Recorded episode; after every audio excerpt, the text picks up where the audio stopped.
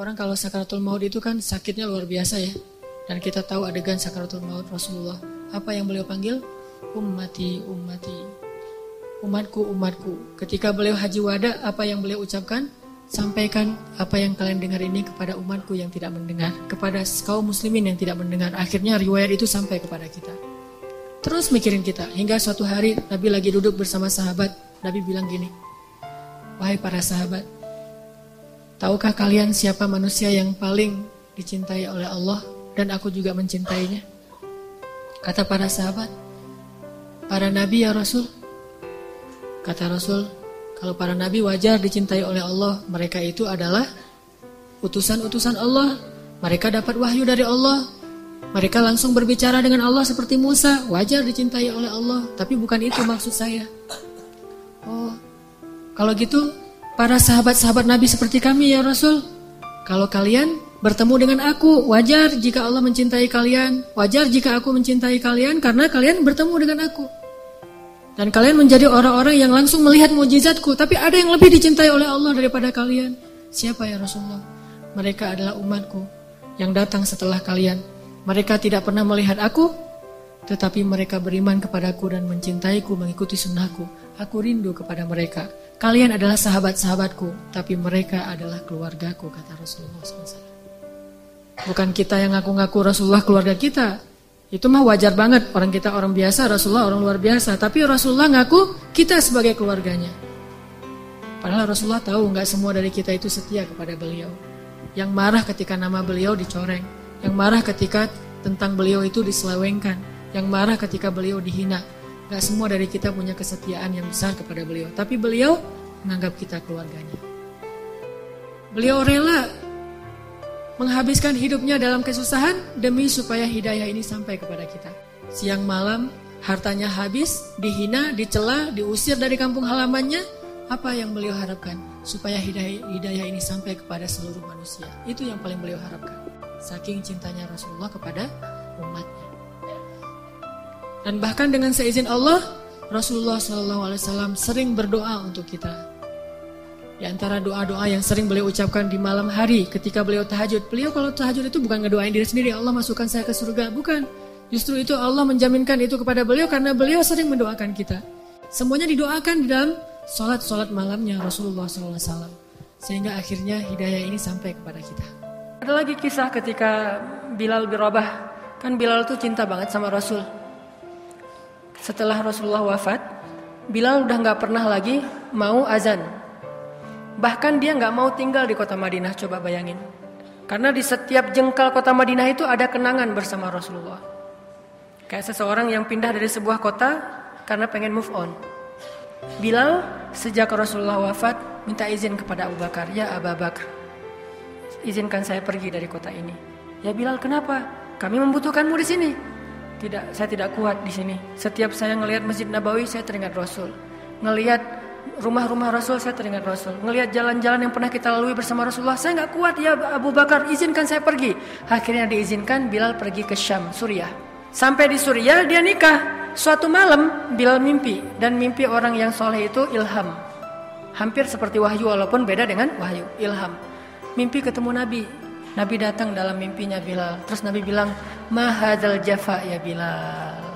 Kenapa kamu jadi asing sekali bagiku wahai Bilal? Kenapa kita jadi kayak orang asing wahai Bilal? Mahadal Jafa ya Bilal kata Rasulullah. Dengan wajah terse tersenyum. Mahadal Jafa ya Bilal. Kenapa kita jadi orang asing wahai Bilal? Zuruna. Datanglah ziarahilah kami, silaturahimlah kepada kami. Kami rindu kepadamu wahai Bilal. Bangun dari mimpi, Bilal bilang kepada istrinya, wahai istriku, saya baru ketemu Rasulullah dalam mimpi. Hah, benarkah? Benar. Apa yang dikatakan Rasulullah? Kata Rasulullah, kita menjadi asing karena nggak pernah menziarahi Rasulullah. Dan beliau menyuruh saya untuk ziarah. Wahai istriku, besok saya akan pergi ke Madinah. Dari Suriah, dari Damaskus. Pulang ke Madinah. Ziarah makam Rasulullah, salawat kepada Rasulullah. Melihat makam Rasulullah udah lama, kangen sama Rasulullah. Duduk di makam Rasulullah, nangis-nangis. Ya Rasulullah kangen banget, kangen banget. Kayak Aisyah, setiap hari duduk di makam Rasulullah. Aisyah tuh setiap hari loh. Asal udah pagi, yang lain pada sibuk ke pasar, dia mah ke makam suaminya. Ini nggak tergantikan di hati Aisyah. Akhirnya, ketika makam Rasulullah tuh bersebelahan dengan masjid. Kalau dulu sekarang udah masuk dalam area masjid. Abu Bakar datang, ya Bilal, Alhamdulillah kamu sekarang ada di Madinah. Ya Bilal, boleh saya minta sesuatu? Kata Bilal, apa ya Abu Bakar? Sudah lama kami tidak mendengar suaramu mengumandangkan azan. Kumandangkanlah azan untuk kami. Kami rindu dengan azan darimu, wahai Bilal. Kata Bilal, saya nggak kuat ya Abu Bakar. Kenapa? Setiap kali saya menyebutkan nama asyhadu anna Muhammad Rasulullah, saya nggak akan kuat ya Abu Bakar. Saya nggak kuat menyebutkan nama Rasulullah, saking rindunya kepada Rasulullah. Akhirnya Abu Bakar nggak habis uh, apa nggak putus asa minta Umar Umar tolong dong paksain dikit pakai cara kamu gitu kalau eh Bilal ada apa ya Umar azan dong gitu gaya-gaya gitu deh azan dong Bilal Umar maaf ya saya nggak bisa kalau azan udah nggak kuat lagi sekarang sejak Rasulullah wafat wah Umar maksa-maksa juga nggak nggak bisa akhirnya mereka nemu ide yang paling gitu undang cucunya Rasul yang nyuruh Hasan dan Husain datang nih Hasan Husain Om kata Hasan saya. Kan mah om ya. Om, ah cucu Rasulullah. Wajahnya mirip Rasulullah, auranya tuh aura orang solih, cara jalannya kayak Rasulullah, suaranya kayak Rasulullah, akhlaknya ini cucu paling mirip dengan kakeknya. Katanya om langsung Bilal kaget teringat dengan Rasulullah. Hasan Husain Bilal peluk gitu. Om azan dong om. Aduh gimana ya? Yang mintanya cucu Rasul gimana ya? Azan dong om, udah lama nih nggak dengerin azan om, biar ingat sama kakek. Itu masalahnya om kalau udah ingat sama kakek kalian tuh nggak kuat. Coba dulu dong om, ntar kita bantu deh, gitu. Akhirnya ya udah deh, kalau yang mintanya cucu Nabi kan nggak enak nih ditolak sama kayak Nabi yang minta. Mulai nih Bilal, cek cek, kalau bahasa kita mah. Ya. Allahu Akbar, Allahu Akbar. Kaget satu kota Madinah coba. Dia berdiri di atas menara yang paling tinggi di Madinah. Menaranya itu rumah orang yang paling tinggi di Madinah itu tempat dia biasa azan. Dia azan. Sejak dia ke Suriah nggak ada lagi yang berdiri di menara itu. Tiba-tiba Bilal berdiri. Allahu Akbar. Allahu Akbar. Satu kota Madinah kaget dan berteriak seluruh pojok kota Madinah berteriak, "Apakah Rasulullah sudah hidup?" Apakah Rasulullah sudah kembali? Satu kota Madinah heboh. Trending topik. Wah viral di mana-mana. Bilal azan, Rasulullah sudah hidup lagi, Rasulullah sudah dibangkitkan, Rasulullah sudah kembali kepada kita. Heboh satu kota Madinah, orang yang berdagang meninggalkan dagangannya, yang tadi di rumah langsung siap-siap ke masjid, buruan semuanya berlari ke masjid serentak. Asyhadu an la ilaha illallah Berkumpul orang berbondong-bondong datang ke masjid. Penuh aja sampai di jalan-jalan. Semuanya orang, Rasulullah mana, mana Rasulullah. Ketika Bilal sampai di kalimat, Ashadu anna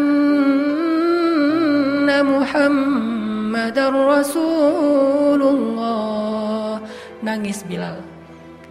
Ketika Bilal nangis, orang-orang baru sadar ternyata Rasulullah tidak hidup kembali, tetapi Bilal yang datang dari Suriah mengumandangkan azan. Lalu diucapkan sekali lagi, Ashhadu anna Muhammadan. Terputus, nangis, satu kota Madinah menangis. Kata para periwayat kisah ini, Madinah hanya dua kali pernah menangis seheboh itu. Satu ketika Rasulullah wafat, kedua ketika Bilal mengumandangkan azan setelah sekian lama. Tidak ada yang mencintai kita seperti cintanya Rasulullah SAW kepada umatnya. Tahu gimana cinta Rasulullah kepada kita? Salah satu di antara cinta Rasulullah kepada kita yang nggak bisa digantikan oleh siapa pun termasuk oleh orang tua kita. Ayah ibu kita nggak bisa mencintai kita seperti cinta Rasulullah. Pasangan kita yang katanya sehidup semati nggak bisa mencintai kita seperti cintanya Rasulullah. Gimana cintanya Rasulullah? Nanti di padang mahsyar Allah Subhanahu wa taala berfirman, "Yauma yafirrul mar'u min wa ummihi wa abihi."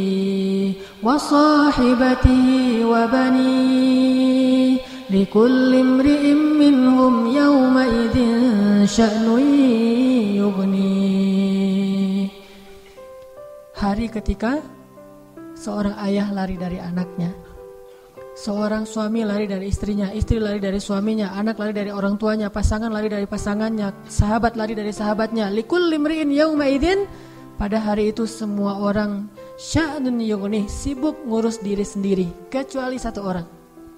Semua orang Nabi Adam, Nabi Nuh, Nabi semua anbiya dan semua manusia semuanya sibuk dengan diri sendiri. Udah lupa tuh, kita dikuburin satu liang lahat dengan pasangan sejati kita, tapi pas kita bangkit kita nggak akan lihat ke sebelah kanan kiri kita.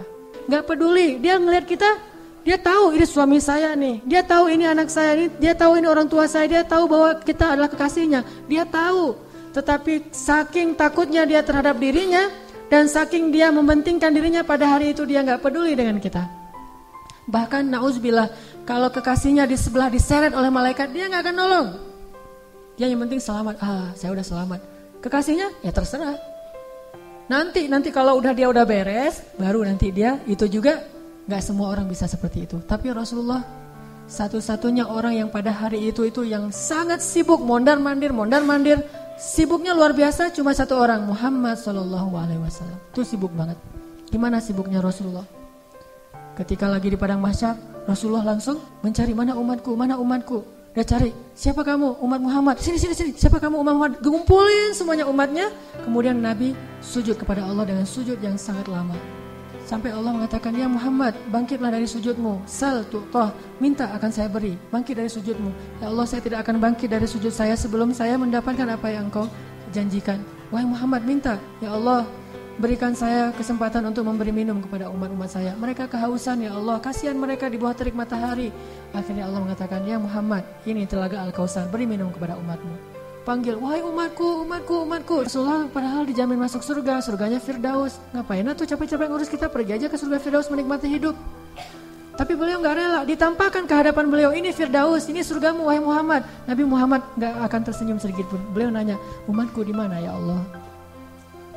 Ini Firdaus, umatku di mana ya Allah? Mereka di padang masyar, langsung balik lagi keluar dari surga coba keluar dari surga cari terus memberikan minum satu persatu bahagia banget nemu ketemu umatnya tuh kayak ketemu kekasih lama kasih minum ah, kasih minum setelah minum satu teguk kita nggak akan haus lagi selama lamanya setelah dikasih minum Rasulullah SAW sujud lagi Ya Muhammad, kenapa engkau sujud? Sujudnya lama banget sambil menangis di hadapan Allah. Ya Robbi, ya Robbi, ya Robbi. Terus Allah mengatakan, bangun ya Muhammad, aku aku berikan apa yang kau minta. Ya Allah, selamatkanlah umatku dari sirat.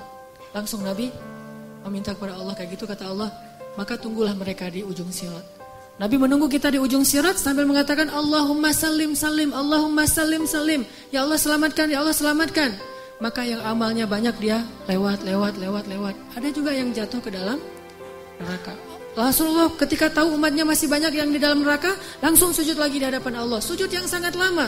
Allah mengatakan, "Ya Muhammad, bangkitlah dari sujudmu, apa yang kau inginkan?" Ya Allah, selamatkanlah seseorang dari api neraka yang di dalam hatinya ada iman walaupun sekecil biji kurma. Akhirnya kata Allah, "Selamatkan mereka yang ada iman sekecil biji kurma di dalam neraka." Nabi langsung pergi ke pintu neraka mencari umatnya. Wahai malaikat, cari umat saya yang ada iman sekecil biji kurma dan selamatkan mereka. Dikeluarin. Ketika ketemu dengan Rasulullah mereka dalam keadaan habis disiksa luar biasa, wajah mereka, tubuh mereka rusak parah. Rasulullah melihat mereka dengan air mata kasihan, memeluk mereka dipersilakan masuk ke surga. Setelah selesai udah udah nggak ada lagi malaikat udah nggak ada lagi. Balik lagi ke hadapan arasy Allah. Di bawah arasy Allah Nabi sujud lagi yang lama. Dalam sujud lama itu kemudian Nabi menangis. Allah berkata, "Ya Muhammad, kenapa menangis? Ya Allah, selamatkanlah umat saya dari api neraka yang mereka di dalam hatinya ada iman sekecil biji jagung." Kata Allah, "Aku izinkan." Akhirnya Nabi Muhammad lari lagi ke neraka. "Wahai malaikat, keluarkan yang ada iman sekecil jagung." Keluar lagi sekian ribu, sekian juta umat Nabi Muhammad. Udah selesai semua, udah gak ada sisa, gak ada sisa. Balik lagi di bawah arus Allah. Sujud lagi yang lama, nangis lagi sepanjang waktu yang cukup lama sampai Allah bertanya ya Muhammad bangkit bangkit. Apa yang kau inginkan ya Allah? Keluarkanlah umatku yang di dalam neraka. Yang di dalam hatinya ada iman sekecil biji sawi zarroh kata Allah aku izinkan. Lari lagi ke neraka. Selamatin lagi. Balik lagi sujud lagi ya Allah. Kata Allah ya Muhammad apa lagi ya Muhammad? Bukankah aku sudah menyelamatkan banyak dari umatmu? Ya Allah demi kasih sayang yang engkau miliki selamatkanlah umatku yang mereka tidak punya amal kecuali hanya mengatakan la ilaha illallah. Kata Allah, aku izinkan. Nabi Muhammad kemudian lari ke neraka menyelamatkan kita dengan seizin Allah. Makanya Nabi mengatakan, katakan la ilaha illallah baru aku bisa menyelamatkan kalian. Rasulullah hanya membukakan pintu surga untuk kita, tapi beliau tidak masuk surga. Kita yang disuruh masuk surga. Beliau keluar lagi, sibuk lagi dengan yang lain. Kita yang difikirkan oleh Rasulullah SAW. Apakah orang tua kita bisa melakukan itu nanti di akhirat? Tidak. Cinta yang paling besar dari Rasulullah. Gak lupa sama kita, kenal juga enggak? Bahkan kita berselawat kepada beliau aja males. Beliau tidak menyelamatkan ya Allah selamatin aja orang yang bersalawat kepada saya yang nggak mau salawat nggak usah. Enggak. Yang ada iman sekecil zarrah, yang ada iman sekecil jagung, yang ada iman sekecil biji kurma, nggak masalah. Yang penting umatku ya Allah selamatkan mereka.